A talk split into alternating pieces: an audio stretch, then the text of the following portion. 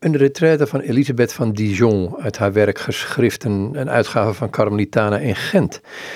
Het Rijk Gods is binnenin u, schrijft ze daarboven. Zo even nodigde God ons uit in Hem te blijven, te leven in de erfenis van Zijn glorie.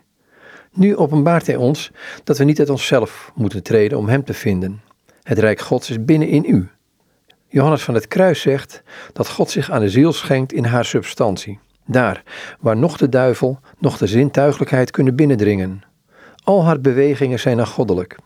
Ofschoon ze van God zijn, zijn ze even goed van haar. God bewerkt ze immers in haar, samen met haar. Verder zegt dezelfde heilige: God is het middelpunt van de ziel. Zij zal in het diepste middelpunt dat zij in hem kan bereiken zijn aangekomen wanneer zij met al haar krachten God volmaakt kent, bemint en van hem geniet. Als ze nog niet zo ver gevorderd is, is ze toch reeds in haar centrum, God. Maar het is nog niet het diepste centrum. Ze kan immers nog verder binnendringen.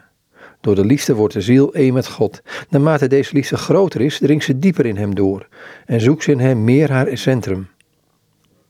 Wanneer ze slechts één graad van liefde heeft, bevindt ze zich reeds in haar middelpunt. Maar wanneer deze liefde de volmaaktheid heeft bereikt, dan zal de ziel binnengedrongen zijn in het diepste centrum. Daar zal ze in God omgevormd worden en dit gaat zo ver dat ze zeer op God gelijkt. Tot deze ziel, die helemaal van binnen leeft, kunnen we de woorden van Pater Lacordaire aan de heilige Magdalena gericht worden. Vraag niemand op aarde of in de hemel meer naar de Meester, want Hij is je ziel en je ziel is Hij. Tot zover deze bijdrage van Elisabeth van Dijon. Ik neem de vrijheid om daar één opmerking bij te plaatsen. Dat in God omgevormd worden gaat zo ver dat ze op God gelijkt. Ik denk daarin dat zij altijd Elisabeth is gebleven.